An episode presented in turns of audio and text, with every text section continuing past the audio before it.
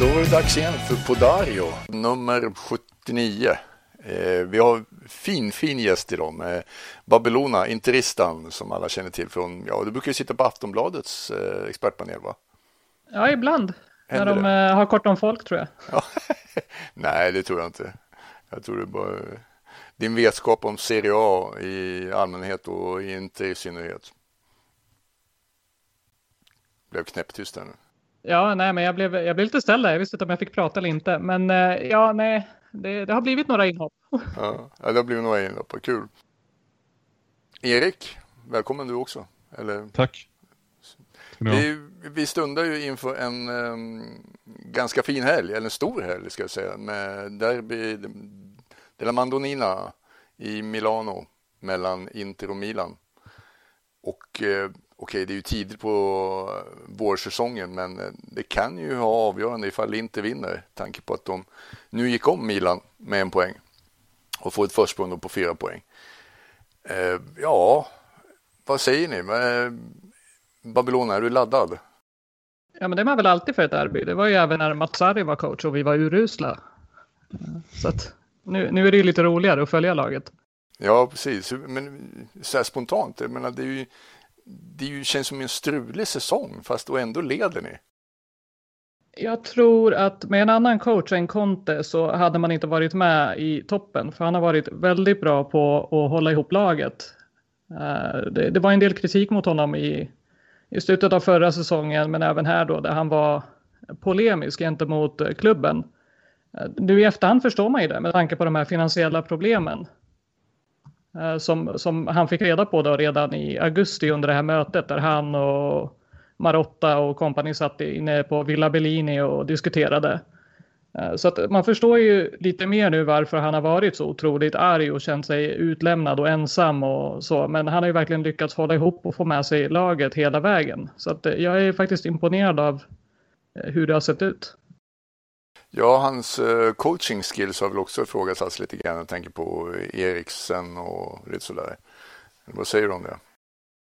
Ja, men absolut. Där har han ju varit ganska tydlig med att han eh, i princip inte ville ha Eriksen. Och sen har det varit så här, jo, men jag sa väl ja, men eh, jag vet väl inte riktigt vad jag ska göra av honom. Och det har varit lite så. Och jag, som de flesta kanske hade svårt att se Eriksen i ett kontebygge, även om man tycker att det är en fantastisk fotbollsspelare så var jag glad att man signar den, den typen av klass till mittfältet. För hittills eh, har man inte kunnat få in den typen av mittfältare. Det, det är ändå en meriterad mittfältare, en av de bättre i Europa normalt. Eh, men ja, eh, Conte vill ju ha intensiva, springande, jagande mittfältare konstant. Och Eriksen är underskattad i det, för han rör sig över stora ytor, springer mycket, men han ser väl kanske lite loj ut. Eh, och det har man ju jobbat på nu tycker jag. Att, eh, för att Conte har ju sagt att Nej, men jag ser väl inte honom i Vidals position. Kanske i Brozovic. Men nu lirar de ju tillsammans. Eh, han, Brozovic och Barella. Och det, det, ser ju bra ut. Han, han har ett helt annat positionsspel. Bättre med i defensiven. Och får, liksom, han, han för bollen framåt på ett bra sätt. Precis, precis. Eh, Erik, vi, vi, kanske, vi ska väl inte gå händelserna i förväg här med derbyt. Vi går väl tillbaka lite till helgen som var. Mm. Eh, jag tycker man fick ganska bra svar från Inter, just inte bara efter, match, alltså efter matchen mot Lazio. Inte bara för att Eriksen eh, tydligen kan spela eh, på ett intermittfält, eh, men Lukaku och Lautaro såg ju väldigt bra ut tillsammans. Eh, vi, vi behöver inte säga så mycket om Lukakos insats. Alla har ju sett att den var helt fantastisk.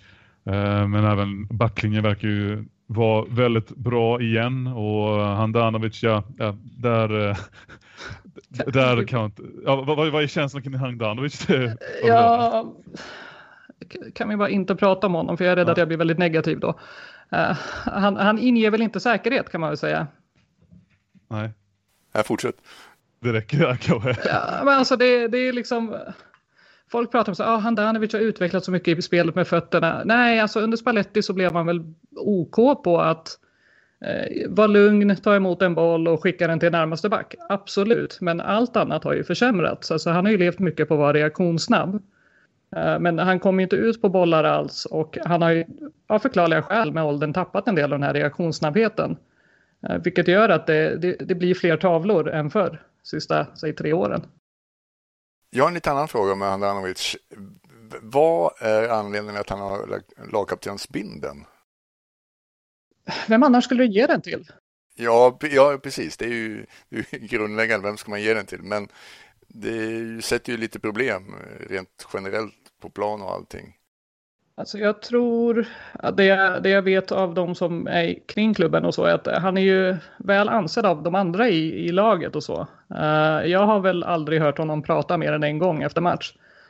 Så jag, jag, vet ju knappt vad han har för typ av röst. Uh, så jag hoppas att han pratar mer i omklädningsrummet. Men han, han verkar vara respekterad av de andra. Och sen så får man ju ta situationen som var då när man tog binden från Icardi. Ja, men vem skulle du ge den till? Det fanns ju inte så många spelare som hade varit länge i klubben heller. Och man ville väl inte göra samma misstag och ge den till en ung 23-åring som man gjorde med Icardi när han fick binden. Men om man säger så här, vem skulle du vilja ge den till nu? Vem skulle kunna ta ansvaret? Alltså jag skulle gärna vilja se Barella om ett par år. Uh, nu så är det väl någon som typ De Frey kanske. Uh, som är tyst i och för sig, men han är ändå en, en lugn, trygg person på planen. Han, han springer ju fram till domaren om det är något som behöver göras. Handanovic hinner ju inte ens uppfatta att det händer något. Liksom. Uh, Lukaku kanske, men där, får man, där är också frågan hur länge blir han kvar?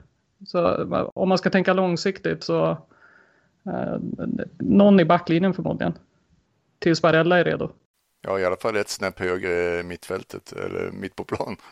Ja, jag tycker också Lukaku har ett eh, kroppsspråk som kanske inte liksom passar en lagkapten. Alltså, jag tycker han tenderar att vara väldigt gnällig mot, i, knäpps, i, i kroppsspråket mot sina medspelare. Eh, lite så här på ett oskönt sätt ibland. Jag, jag, jag har studerat det ett tag och jag vet inte om det är liksom, om en bindel på honom hade kanske, alltså han hade kunnat växa i det såklart men jag tror nästan det hade blivit ännu mer skickat, eh, alltså det här, jag tycker inte, jag tycker inte att det behöver inte vara dåligt att han är gnällig för jag menar det är, det är så han bevisligen är. Och han verkar vara en väldigt cool person utanför planen. Men jag, jag, jag tror inte liksom, eh, jag tror inte han har behövt det ansvaret uh, ytterligare faktiskt. Nej, jag är ju old school. Alltså, jag är ju old school, så jag föredrar ju om det är mittfältare som är eh, mm. uh, lagkapten. Uh, och sen angående gnälligheten, alltså han är ju anfallare. Där, de, är ju, de ska ju vara lite ego. Mm. Brozovic, är han för intetsägande eller? Brozovic som lagkapten. Ja, alltså, ja. vad fan ni garvar. På tal om kroppsspråk. ja, exakt. Ja, Okej, okay, ja, ja. Jo, jo, kroppsspråk, men jag tänkte han har väl ändå... Jo, men han, han snackar ju ändå. Han har ju blivit allt mer tongivande på det mittfältet och i, i truppen överlag. Kommer jättebra överens med Barella och kompani och så. Men jag tror inte han är den du skickar fram när du behöver ha någon som pratar med domaren. Uh, uh, nej, han känns inte lagkapten. Jag tycker inte jag ser en så svag, men, men, men ja, det är klart, du har ju bra mycket bättre koll än jag på det där. Alltså, jag gillar ju Brozovic. Jag, jag är ett stort fan sen han blev... Eh, alltså sen de plockade in honom och han står på alla bilder och ser förbannad ut och vägrar le. Uh, jag gillar ju det, liksom. Team No Smile alltid. Men uh, jag tror inte att han är den som ska ha det typen av ansvar. Han, han har ansvaret för mittfältet, liksom nycklarna där, absolut. Men uh, han är ju också den här som, det, det slänger mycket med armarna. Eh, uppgivet och så. Eh, men han är också en av de som jobbar hårdast. Eh, jag, jag vill gärna ha någon som är lite mera kan trycka på på ett annat sätt. Ja, nej, jag hade faktiskt också röstat på Barella långsiktigt där. vi kan väl gå in på mittfältet. vad är ditt optimala mittfält? Finns det plats för Eriksen där, Babylona?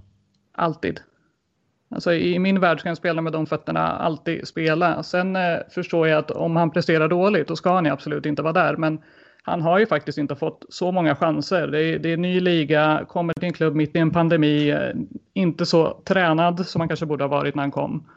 Eh, och då slå sig in i ett nytt spelsystem var svårt. Och sen ingen feeling med Conte heller. Eh, i, mitt mittfält nu i helgen hade varit eh, Barella, Brozovic och Eriksen. Han börjar väl få lite mer en Pirlo-roll nu va? Jag menar, han och eh, Brozovic byter position en hel del av det vi sett nu den här lilla tiden de faktiskt har spelat tillsammans. Så att de börjar båda två agera lite eh, dubbelregister nästan. Att båda två försöker styra spelet med Brozovic något längre ner. Eh, så det ger ju laget alternativ även framåt och det blir lättare att faktiskt eh, hitta spelvägar mot eh, lag som stänger sig. Och sen har du ju Vidal då som är, han har ju varit borta nu i två veckor eller någonting, men han har ju heller inte varit fit. Alltså 100% Vidal som vi är vana att se eh, någon gång här i Inter, utan han, han ligger väl på en 50-70% av det han eh, är normalt. Men är normalt, alltså det är ju, vad, vad går det tillbaks till då? Nej, men jag menar bara det man såg i Barcelona, alltså vi behöver inte gå jättelångt bak. Det är klart att han inte är samma spelare han var med Conte första gången. Eh, det, det, det har ju gått några år sedan dess och kanske inte ett helt fläckfritt eh, leverne. Eh, men jag tänker bara det här att han, hans fitness, liksom att han, han, han måste ju ha en viss intensitet i sitt spel för att kunna leverera. Och då blir det ju svårare att leverera det när du kommer upp i åldern. Absolut, så är det Det blir ojämnare matcher, eller ojämna insatser, helt klart. Ska vi gå in på lite det som händer utanför fotbollen? Vad, så Ning vill ju sälja sin majoritetsandel i Inter. Hur, till att börja med vill jag gå tillbaka till det här, det du sa om um, Conte och hans äh, kritik i augusti där. Att Soning liksom blöder ekonomiskt, ger det en annan bild av, eh, liksom förmildrar det bilden av eh, Contes utspel under augusti tycker du, Babylona? Jag tycker faktiskt det, för då känner man inte till hur det såg ut bakom kulisserna. Vad det var för att då kändes det som att det här kom från ingenstans. I hur hårt han kritiserade dem. Eh, och klubben generellt, även Marotta fick sig en hel del eh, kängor från Conte. Eh, sen är det väl inte så mycket som att Suning i sig själva blöder enormt, men det kommer ju också från staten om att fotbollen och så anses ju inte vara en prio längre internationellt. Och om den kinesiska staten då bestämmer sig för att det är dags att sälja, då måste man göra det. Och det här är ju en av de stora nackdelarna såklart när du har en, i princip, det är en diktatur som äger klubben. Mm. Ja, finns det något eh, vad, ja, det, hur påverkar det här inte kortsiktigt, att den här hela osäkerheten, tror du? Alltså jag tror att det än så länge har påverkat dem mindre än man kanske hade kunnat anta. Eh, uh, när osäkerheten kring vem, vem är det som finns här nästa säsong och så jag tror att man bara skjuter upp det mentalt och fokuserar på att uh, vi spelar nu, vi försöker vinna eller i alla fall hålla oss med upp här i topp. Eh, men det är väl klart att det påverkar alla runt omkring. Eh, Jag tänker spelare som Lukaku som kommer för att det, det är Conte som är coach. Hur reflekterar han över sin framtid i klubben om, om Conte drar i sommar? Eh, alla sådana saker påverkar väl absolut, speciellt om man ska vara inne i kontraktförhandlingar med vissa spelare. Vill du förlänga när du inte ens vet vilka det är som äger klubben? Och det, det är väldigt olika uppgifter om att eh, försöker man nu sälja, det finns eh, ett bolag som heter Lion Rock som har en mindre andel av klubben. Är det den man försöker sälja eller försöker man sälja hela klubben? Eh, vilka är det som går in? Och det blir också en eh, Eh, otrolig skillnad på strategi beroende på vilka det är som faktiskt går in. Är det EQT eller BC så är det ju en typ av strategi. Är det en annan bolag så blir det en annan. Aldrig någon ro i inte med andra ord. Nej, men det är man väl van vid va? Ja, ja. fast presidentskapet har ju varit ganska rofyllt då med då tidigare. Ja, men nu är det ju Eh, en del ägarbyten på kort tid. Precis, precis. Och det är väl en sån där period som alla går in i och sen kanske det kommer en längre tid igen som det blir ny stabilitet i det hela. Förhoppningsvis. Men jag tänkte på det när man drar liknelsen med Milan som eh, man tänkte på Elliot som tog över då efter, efter kineserna där. Ja. Eh, så har det ju, man trodde ju på det värsta scenariot egentligen att det skulle Alltså att de bara var ute efter att fiska pengar, få ut så mycket som möjligt. Men på något sätt har de ju ändå fått någon bra grund i det hela. Och man trodde kanske det sämsta i början. Fast nu är det väl på år tre också. Och det är väl det, alltså nu, man, man tänkte ju att år ett, två, tre, då finns kanske den här grunden. Så vet man, har man ingen aning om vad, vad som kommer hända efteråt. Ja, nu får vi se. Eh, men jag, jag, jag, har hört, jag har hört ganska lite om dem under själva pandemin liksom och deras framtidsplaner. Men innerst inne vet väl alla vad deras vision är och det är liksom att sälja till högst eller högstbjudande eller med vinst helt enkelt, störst minst marginal. Så mm. Eh, det, jag tror i Milanisti har haft den här eh, osäkerheten från början såklart när det gäller Elliot som kanske inte eller som, som inte fanns inte kunnat ha med Soning som är uh, ja, potenta på ett annat sätt kanske. Eller mer stabila i alla fall, tänkte man. Nej, men alltså det är väl, Elliot går ju såklart in i det här för att de ser en potential i att kunna tjäna pengar. Sen eh, efter hur många år vet man ju inte, men det har varit mycket prat om att eh, när arena och så är på plats, eh, att man kommer kunna kapitalisera på det då. Men sen är ju, gör man det bra så behöver det inte heller vara negativt att ha en ägare som Elliot. Jag menar, kan man göra som Leipzig och de här, hitta unga spelare, förvalta dem väl, utveckla, spela Champions League regelbundet Eh, så, så går det ju. Men då handlar det mycket om scoutingen som Massara och Maldini hittills måste jag säga har gjort det bra. Med begränsade resurser. Precis, det är kanske det bästa sättet att höja värdet på klubben också. Ja, men det, det känns ju som att det, det, blir ju det nya nu också på grund av covid och så. Eh, så, så går det ju heller inte att spendera sig ur problemen på samma sätt heller. För att det, det är otroligt mycket begränsade resurser och alla klubbar blöder ju. Så jag tror att scouting och, och, den delen kommer bli än viktigare och det här med att plocka in spelare över 30 eh, tror jag att vi kommer att se allt mindre av för att det, det, det funkar inte. Du kan inte ha in eh, Kolarovs och sådana längre för att det, det blir oerhört dyrt. Ja, om man, inte sats, om man inte ska satsa på en enskild säsong eller något liknande i så fall som um, inte gör nu då. Ja, nej men det, jag förstår väl det är liksom absolut, det är ett kortsiktigt tänk, men det, det kommer ju inte funka eh, framåt. Nej, precis. Du, du skjuter ju upp en, eh, en annan spelares karriär på något vis där och klubbens framtid. Men innan vi släpper Conte så måste vi ta upp det här eh, som hände på Juventus Stadium i cupsemifinalen förra veckan. Där eh, det skriks en hel del som det gör på en tom arena och man hör och eh, det är ju liksom det, det är ju saker som Conte skriker under matchen såklart men även Andrea Agnelli, Juventus president, som riktar eh, välvalda ord mot Conte. Eh, de har ingen bra relation och då drar ju Conte långfingret upp lite sådär diskret, fast ändå inte, eh, i halvtids, på väg till halvtidspausen. Eh, och sen på slutsignalen så skriker ju Agnelli att han kan dra åt helvete helt enkelt, Conte, och mer till. Är, vilken, är det någon som gör mer fel än någon annan, tycker ni här? Alltså jag kan ju tycka att det faktum att Conte, Paratici och Nedved ägnar 90 minuter till att sitta och förolämpa Conte från läktaren. Jag förväntar mig lite mera klass av eh, presidenten och de, de, högsta dirigenterna i en klubb än vad jag gör av Ultras som sitter på en arena. Alltså jag som vanligt fan kan sitta och skrika visst, men jag känner att på en tom arena kanske man ska ta det lite lugnt med de typerna av svordomar och förolämpningar. Eh, tydligen så var även bänken rätt aktiv och Oreali fick ju höra av Paratici att uh, håller inte käften nu så nitar jag dig den här gången. Alltså det, det är liksom någonstans här, vad är det för nivå? Ja, verkligen. Men vad kommer, vad upprinnelsen till det hela? Alltså förutom att Conte måste ju vara någonting som har hänt i Juventus då, när Conte slutade. Ja, men han och Agnelli det slutade i ont blod mellan dem. Men vad var det som, visst, men är det någon som vet vad det var själva som hände? Varför det blev ont blod? Han drog väl på försäsongslägret. Conte. Två dagar in väl. Ja. Jag vet, vi vet ju inte om det är liksom om det var transfers eh, igen och eller något, några sådana krav som eh, Conte blev eh, sur över som han inte fick igenom. Uh, nej, jag, jag kan inte den exakta anledningen, men det, det är ju allmänt känt att Conte varar inte jättelänge i sina klubbar. Så jag, jag vet inte om den här konflikten, ja bevisligen värre än, än, uh, än andra han haft i tidigare klubbar. Men äh, han, han, har säkert skapat ont blod på andra ställen med. Det, det är bara nu har vi ett, liksom ett forum där vi väldigt tydligt sätt, på väldigt tydligt sätt kan få fram det med tomma läktare. Ja, jag tycker också det är ganska, det är lite mobbar-aura över de där Juventus-direktörerna såklart han ska inte dra upp fingret. Eller ja, jag, jag kan ju fatta att han gör det, men eh, de här kraven att ta bort hans stjärna och sådär eh, från eh, Hall of Fame-gången utanför arenan.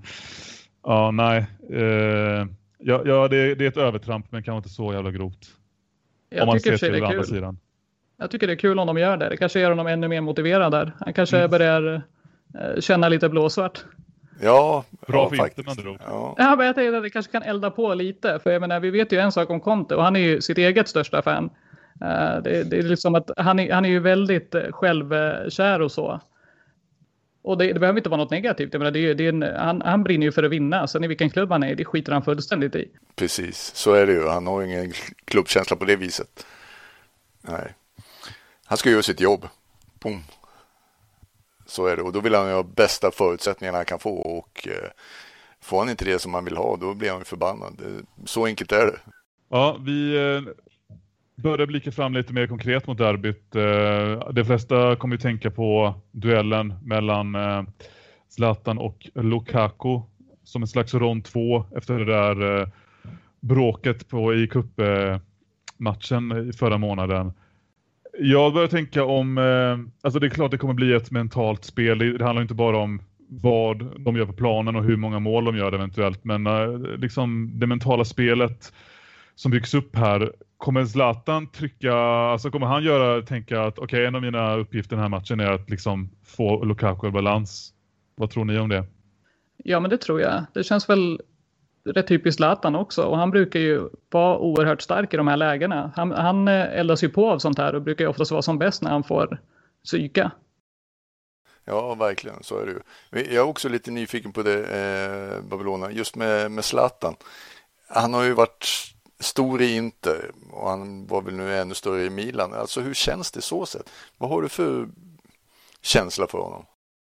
Alltså, jag kan väl inte annat än att vara glad över att Zlatan var i Inter de åren han var där. Och sen är väl alla Interfans skulle jag vilja säga väl tacksamma över dealen som gjorde att Zlatan gick till Barcelona och vi fick ett O. Ja, man ser det så. Ifall inte det där Champions League-guldet hade kommit då eh, hade kanske varit lite annorlunda. Ja, men jag menar, nu ser man det som att eh, Zlatan gick, det är fine. Man fick in ett år som ett otroligt proffs och en fantastiskt underskattad eh, anfallare. Och eh, en enorm summa pengar, så att det är bara, det, det finns väl ingenting negativt att säga där. Och man fick slå ut Barcelona och Zlatan längs vägen, så att det, det är fint. Det var win-win. Ja. Mm. Om man talar från Milan-perspektiv så ser du inte jättebra ut rent formmässigt. De har ju förlorat eh, tre stycken efter, eh, efter uppehållet här i januari eh, redan och Eh, nu var det ju första gången på ett och ett halvt år mot Spezia som de inte ens sköt ett skott på mål. Bara en sån sak. Men nu har de ju alla spelare tillgängliga för första gången tydligen under, under säsongen. Men det känns ju ändå, min känsla är ju att det har lite grann kommit ikapp dem med ja, med det här flytet, det har de tappat nu. Eh, Chalanoglu liksom är tillbaka och alltså han, han, det kommer inte gå automatiskt att komma tillbaka till den här storformen han var i. Han kommer tillbaka från covid från var, vad det var, två, tre veckor. Eh, det, har, det är liksom på sina håll så finns det liksom börjar märkas det att det är lite tunnare, att det, är, det, det, går inte att jämföra liksom Inter och Milans trupper rent breddmässigt och eh, jag befarar att det kommer Alltså det kommer visa sig, ja, inte minst nu om det blir ett fyrpoängs eh, försprång nu eller skillnad eh, om inte vinner i helgen så tror jag att det kan bli väldigt tufft för Milan att, alltså man kan redan, redan nu säga att det kommer, eh, de behöver liksom hänga med, de behöver ta en poäng i det här derbyt. Fyra poängs försprång är väl inte någonting du tar i din mun, eller hur Babylona? Absolut inte. Men eh, vad säger du om liksom just eh, när du ser Milans form mot Spezia? Alltså Eh, jag blev lite förvånad faktiskt. Jag, jag, var övertygad om att de skulle lösa det i andra halvlek. För jag trodde inte Spezia skulle orka med den pressen hela matchen. Nej, det var ju verkligen imponerande. Alltså, Pioli måste ju ha försökt någonting i paus och sagt vad, vad som behövdes göras. Men det fanns verkligen ingen eh, krut i andra. Va? Alltså, är vi där igen med Pioli. Att eh, eh, nu är det dags igen med Pioli-säsongen att avsluta. Ja, fast det är, det är som jag sa tidigare, det har ju varit så liksom, ryckigt i själva truppen med spelare in och ut, skador, avstängningar så att det är det jag menar, det är, någonstans blir det oundvikligt att det inte får någon effekt på resultaten. Sen är det såklart, det är ju långt från okej okay det de presterar mot Spezia, att de är, blir överkörda av ett liksom, ligans minsta budgetlag eh, om man säger så. Ehm, jag vill inte liksom, alltså fortfarande är de ens med i titelracet så är det fortfarande en stor framgång. Alltså våren ut om det skulle vara det är det fortfarande en stor framgång för Pioli tycker jag. Så eh, den vill jag inte bolla upp eh, just eh, att det skulle vara managern eller tränarens fel ännu. Nej, men jag håller med Erik. Uh, jag tycker att det är svårt att säga om en. Derby sen är ju det är en match som lite grann står för sig själv. Att, uh, oavsett dagsform så kan det gå lite hur som helst uh, på grund av nerven och så som är där. jag tror att det blir oerhört intressant att se hur Milan löser också med Europa League, matcher och om man kan få, jag tror att Kalhanoglu blir oerhört viktig här framöver om man kommer i form. igen då. Mm. Vad han kan prestera och sen känns det lite som att Benazer och Kessie har inte heller varit i samma ruggiga form som de var under en period där de bara käkade upp varenda mittfält. Nej, precis. De tajmar väl dåligt varandra där. Att de har form ungefär samtidigt istället för att sprida lite så att den ena ger den andra lite grann. Känns det som. Eh, ja, vi får se. Det är, liksom, det är ju... Röda Stjärnan vet jag inte om de kommer säga så mycket eftersom jag tror Pioli kommer rotera lite. Till exempel Mandzukic sägs det ska spela anfall istället för Ibrahimovic som kommer vilas till derbyt då. Eh, Erik, vad, vad, tror du? Tror du Milan kommer ta det långt mot Röda Stjärnan och få ladda för derbyt? Det känns som det vore ett vettigt val. Att rotera ganska mycket där och hoppas på ett kryss och avgöra hemma. Ja. Babylona? Ja, nej, men jag är också inne på den, för jag tror att eh, ligan blir viktigare. Alltså det är Champions League-platsen och sen eh, när man fortsatt är med och utmanar om titeln så är det väl klart att fokus ska ligga där. Ja, ja absolut. Men det måste kännas otroligt skönt, även om det är tråkigt i sig att inte eh, inte är kvar. Men eh, i, sån, i det här läget måste det vara ganska bekvämt att inte ha några Europa-äventyr att ta del av. Alltså, man hade ju hellre varit kvar i Champions League. Eh, sen med tanke på att eh, truppen egentligen inte är så bred. Alltså, man är ju oerhört känsliga för om eh, Lukaku eller Lautaro drabbas av en förkylning så har man inga anfallare. Nej, eh, det, så att, det... I, I det avseendet absolut eh, bättre för Konto att få fokusera på ligan. Ja, men det, vi kan väl avsluta med att säga att det, är, det blir också, ja, det är ju en, ännu större press på att vi inte ska ta hem det här eh, i, min, i, i, mina ögon. Att ja, men ni har ni, ingen Europa att se till. Eh, ja, det, det, det, finns liksom att, att inte vinna Los Scudetto är inget alternativ längre. Utan det ska bara göras nu när det är serieledning. Mm, och ut ur kuppen också. Ut ur kuppen också, ja. ja men vi kan väl eh, gå vidare med helgens andra stormatch där eh, Napoli vann mot Juventus efter ett straffmål. Chiellini flaxade lite med sina stora, med sitt breda vingspann och eh, träffade Rahman i ansiktet i Napoli. Så blev det straff för dem.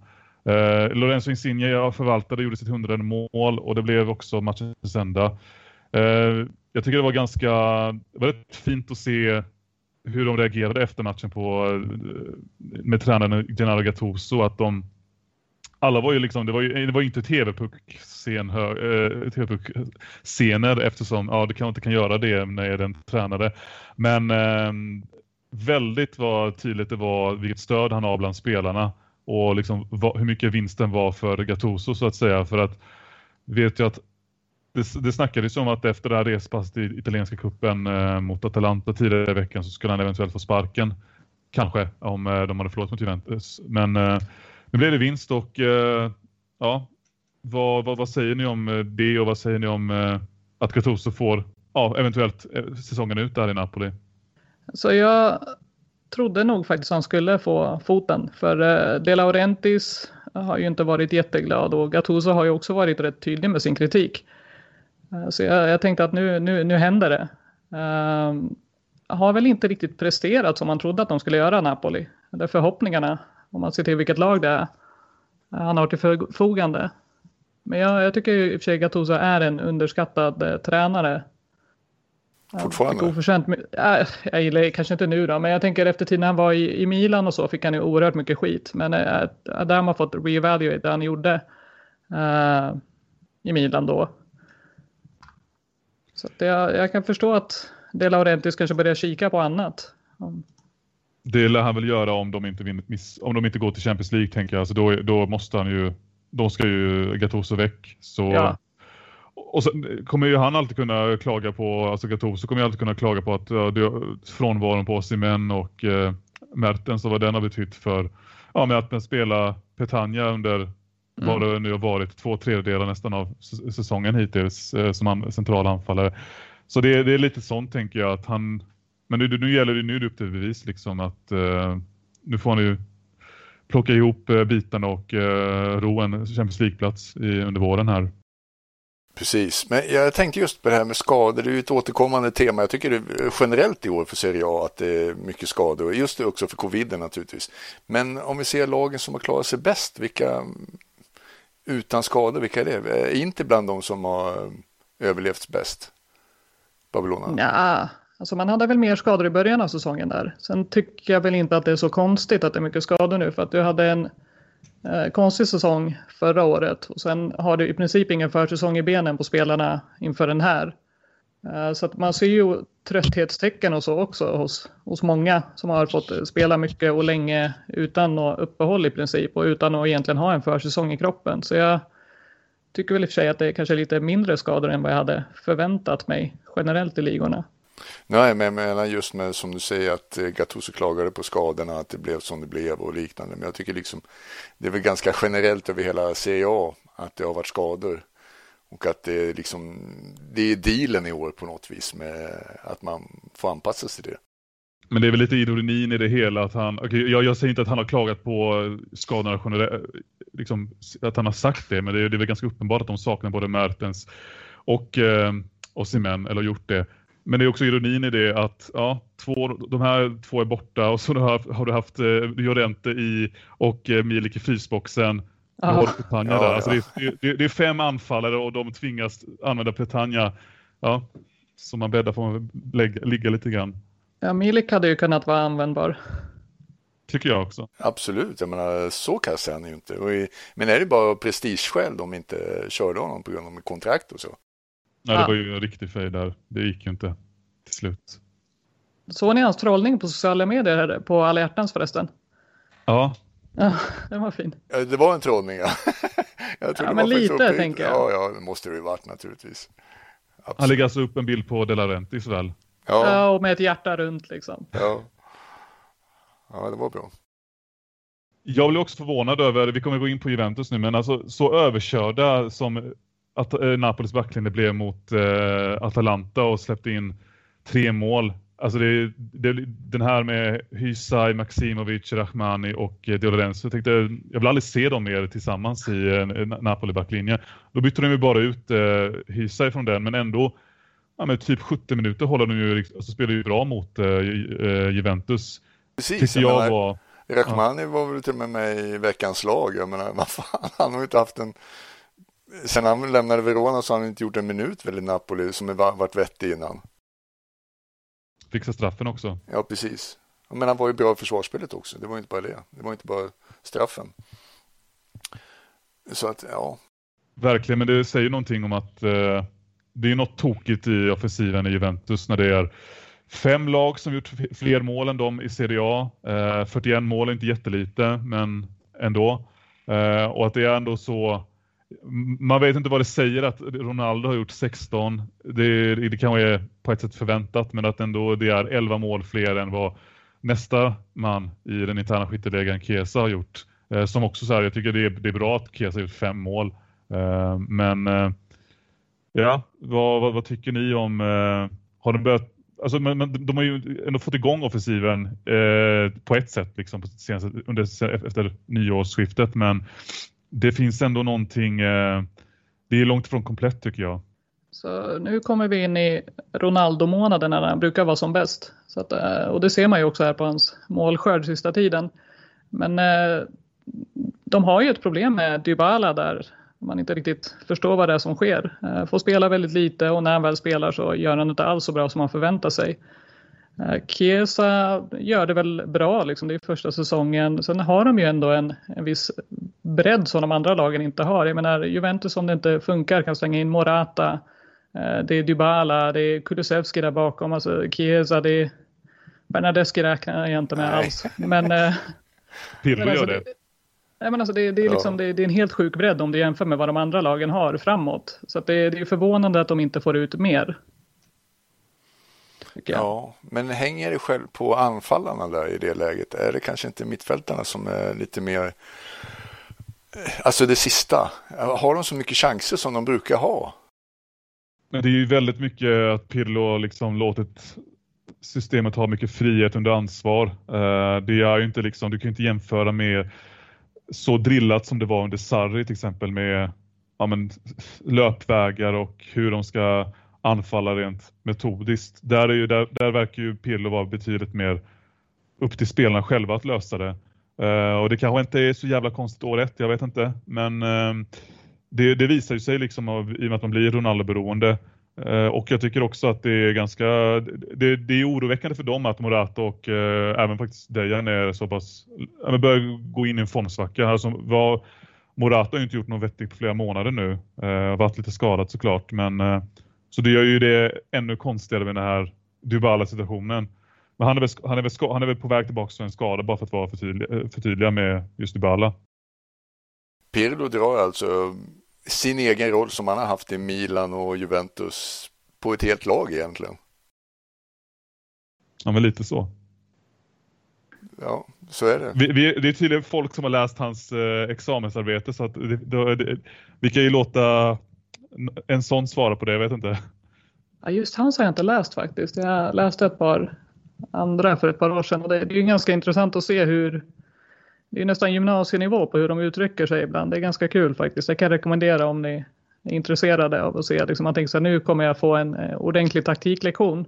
Ja. Och då går man in och så pratar de lite om det, hur viktigt det mentala är och så man, vi låter grabbarna ta och springa lite och så här. Det, det, det är, är intressant. Inte, det är inte tuffare än så alltså. Ja, men ibland, för på vissa är det ju så. Liksom. Alltså, man blir nästan förvånad över att nivån kanske inte var superhög i just examensarbetet, även om de sen kan visa sig vara väldigt duktiga tränare såklart. Ja, absolut, visst kan det vara så, men det kan ju vara så att de inte kan eh, framställa det i skrift till exempel. Jag menar, det kan ju vara så enkelt, men eh, ja, ja, vad vet man? Erik? Vi vet ju att eh en viss Luis Muriel gör väldigt många mål nu och eh, räddar ju nästan kvar Atalanta lite grann i så att de har lite kontakt med toppen i alla fall. De är på samma, de är på sjätte plats. Eh, det är väldigt tajt mellan eh, trean Roma och sjuan Lazio som Lazio faktiskt halkar ner till eh, den sjunde platsen efter den här förlusten då. Eh, bara tre poäng skiljer. Ehm, Muriel avgjorde mot Cagliari i 90 minuten, jättesnyggt mål och eh, jag börjar fundera på, alltså man är vi är fascinerade över Luis Muriel, det, det, det vet ni sedan tidigare.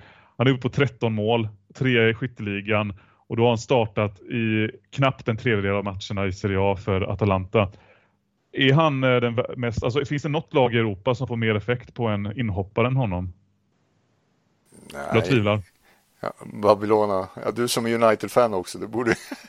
jag, jag, tänker, det var precis det jag skulle tänka på, så här, det måste finnas någon United kanske, men nej. Ja. Nej, Alltså Moriel är ju underbar. Alltså, det är en sån här spelare man skulle älska att ha i sitt lag.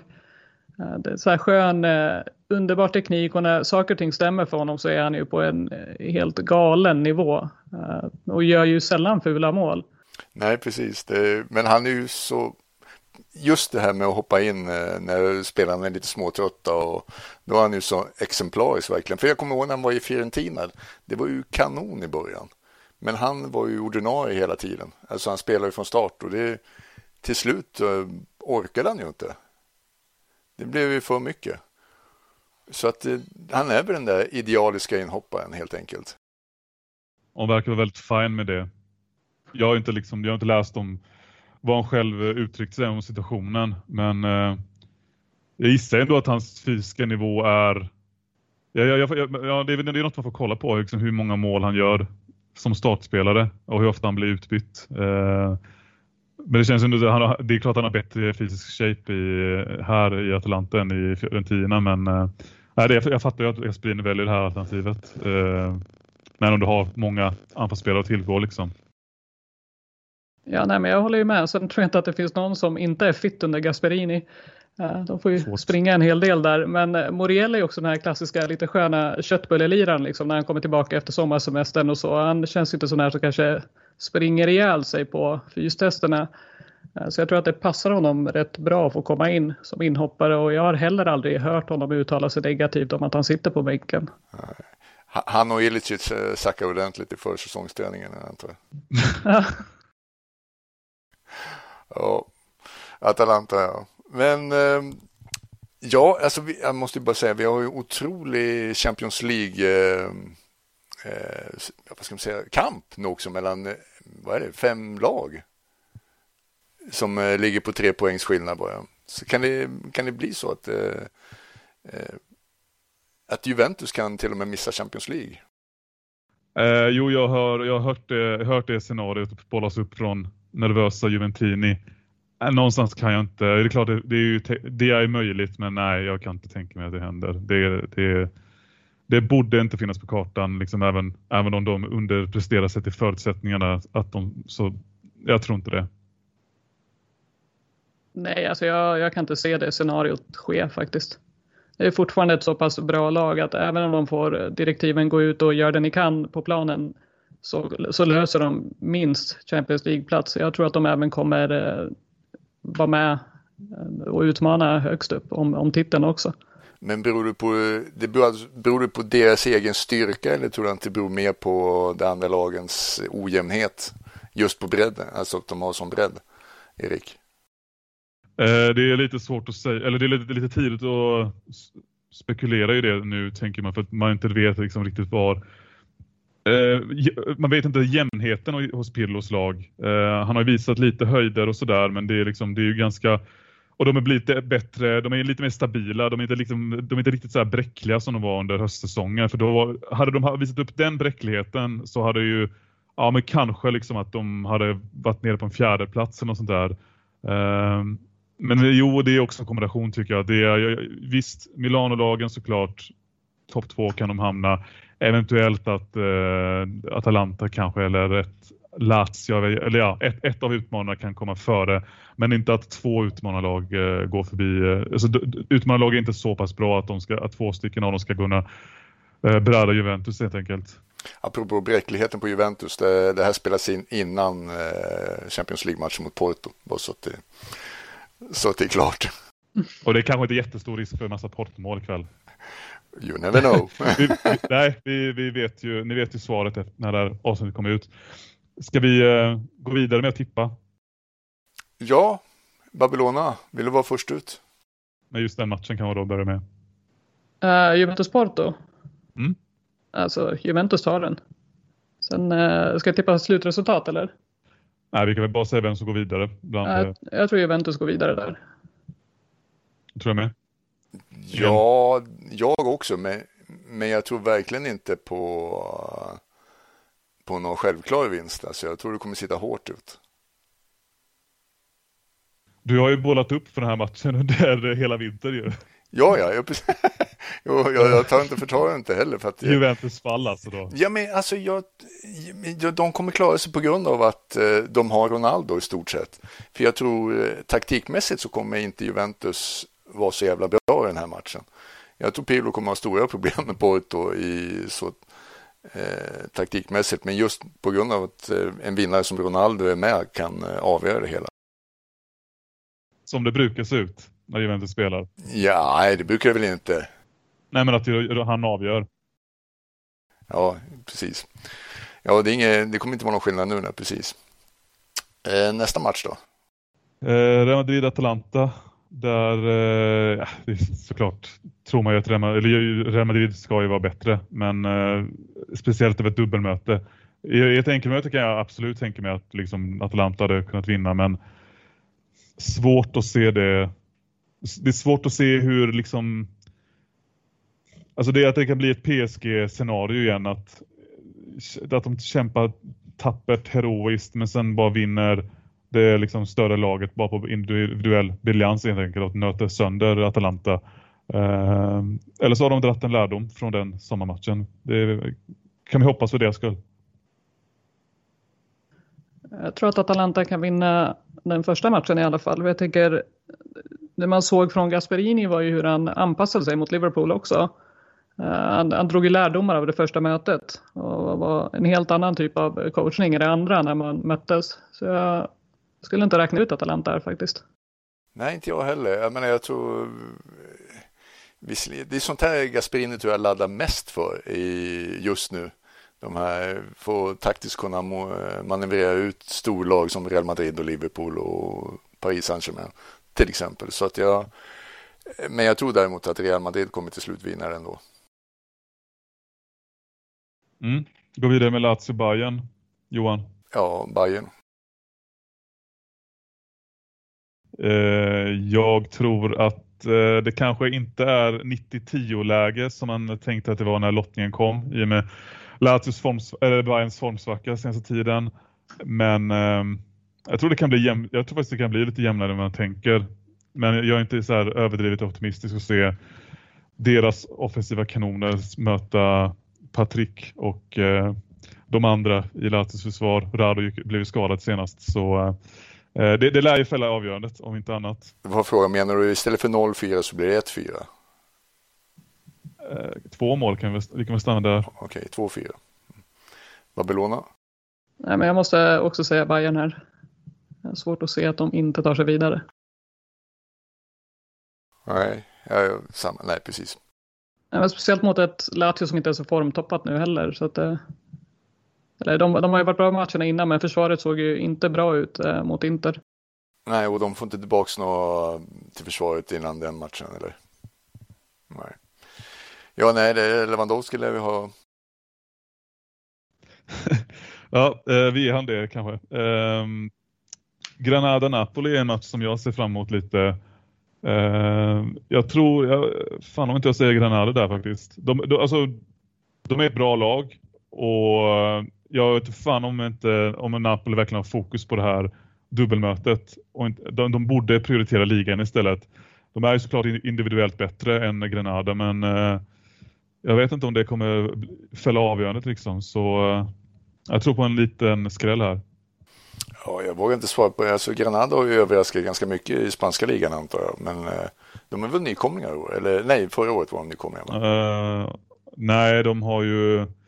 Nej, de har, de har ju liksom varit, de har ju varit dåliga med pengar och nu med typ mindre pengar så blir de bra kan man säga. Uh, så, eller, ja, jag, jag, jag, jag, ska inte svära på att de inte var nykomlingar förra året, men de slutade sjua förra året och uh, ligger väl där samma ja, ja. igen.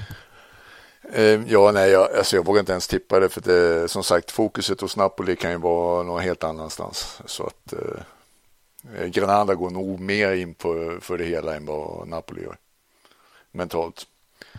Babylona? Alltså jag har sett Granada två gånger den här säsongen så ingen aning.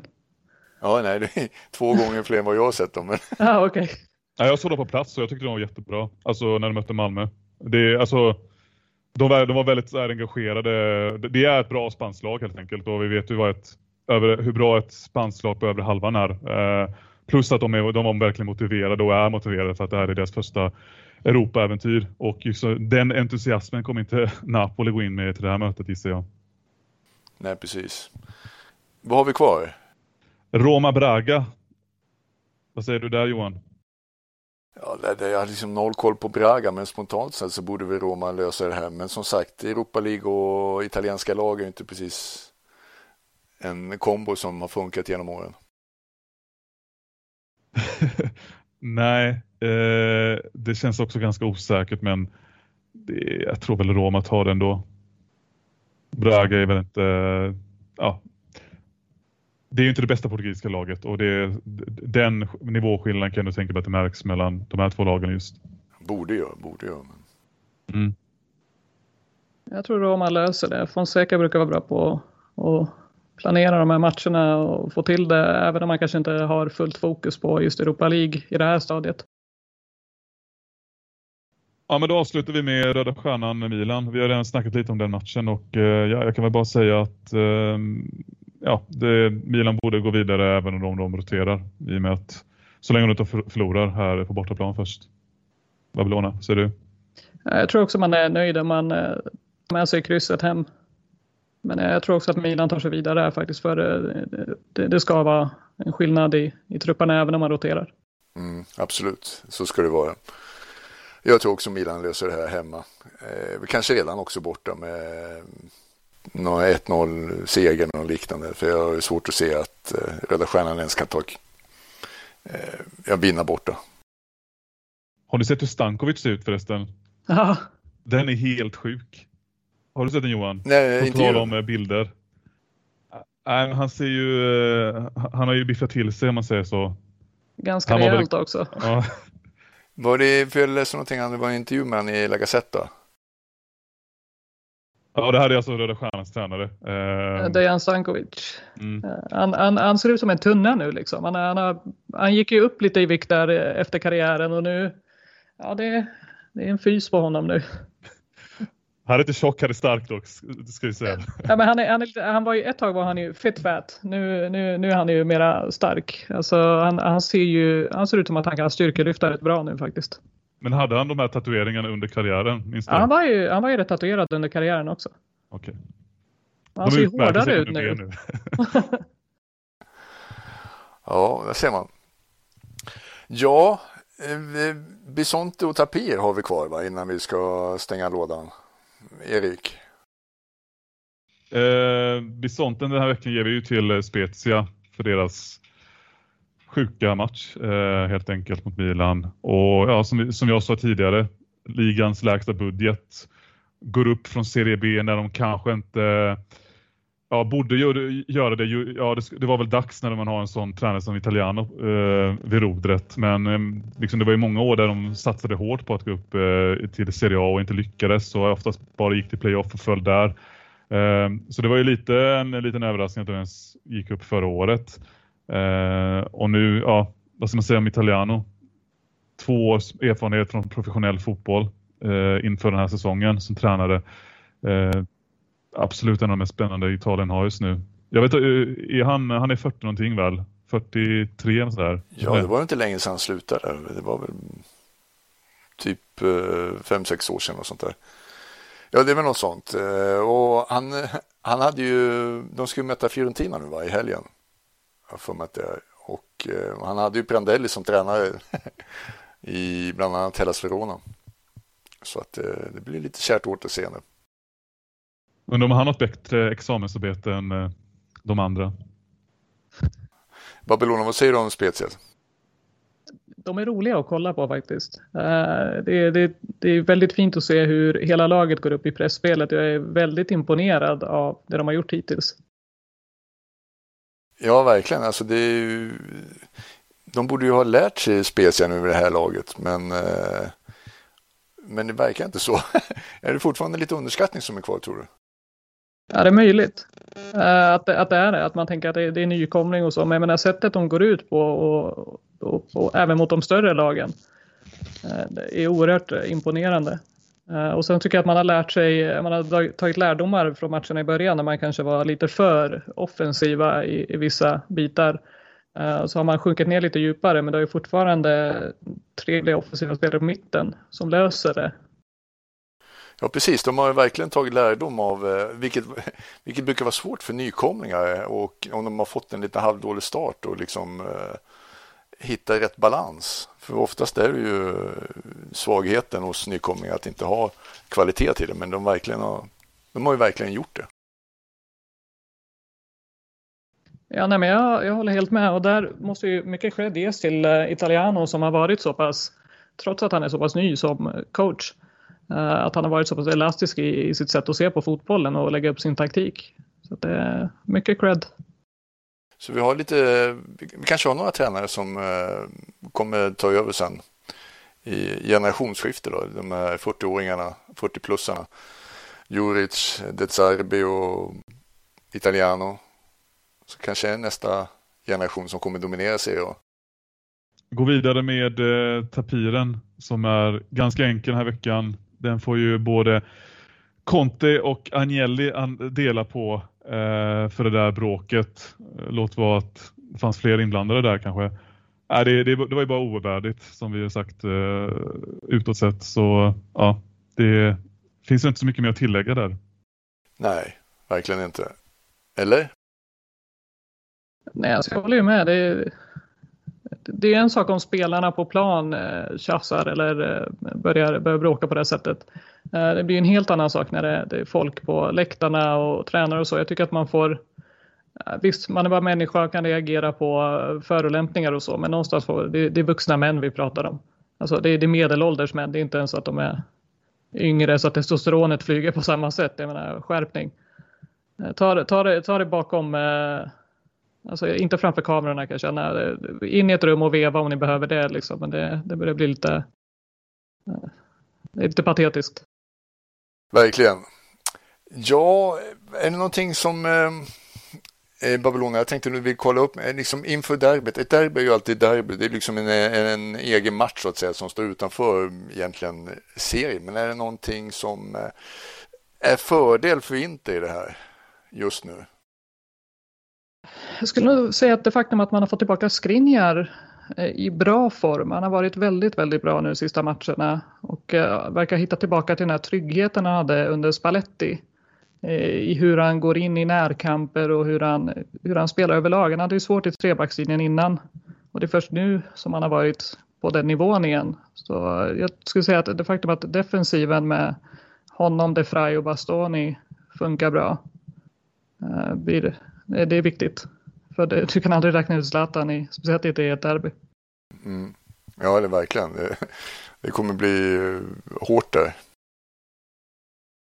Ja, nej, men jag skulle väl eh, från Milan synvinkel så är det ju största hoppet såklart till Zlatan. Att eh, det är väl matchens, eller planens största matchvinnare som de har tillgång till i sitt lag och eh, det kommer inte vara en liten faktor tror jag när de går upp mot Skriniar och de andra det kommer bli avgörande. Det var ju faktiskt, eh, jag vet inte om du sa det innan, men det var tio år sedan sist som eh, det var en match mellan Inter och Milan som betydde så mycket, eller ja, som betydde scudetto-strid i alla fall. Och det var ju eh, april 2011, då vann Milan med 3-0. Pato gjorde två mål bland annat. Och Allegri var då tränare för Milan och Leonardo för Inter. Efter att Mourinho hade lämnat där. Och, Benitez var också där innan va? Ja, han hann också. Benitez fick ju komma in efter Mourinho, fick ingen precis. feeling alls med någon och fick gå. Ja, så var det, precis. så att, eh, men det var ju då eh, Ibrahimovic kom tillbaka från Barcelona den säsongen så att eh, och Milan vann ligatiteln och nu är han tillbaka igen här från USA. Får se om det blir någon ligatitel då för. Jag vet en som inte hoppas på det i alla fall. Ja, ja det kan vara. ja precis. Eh, tack Babylona.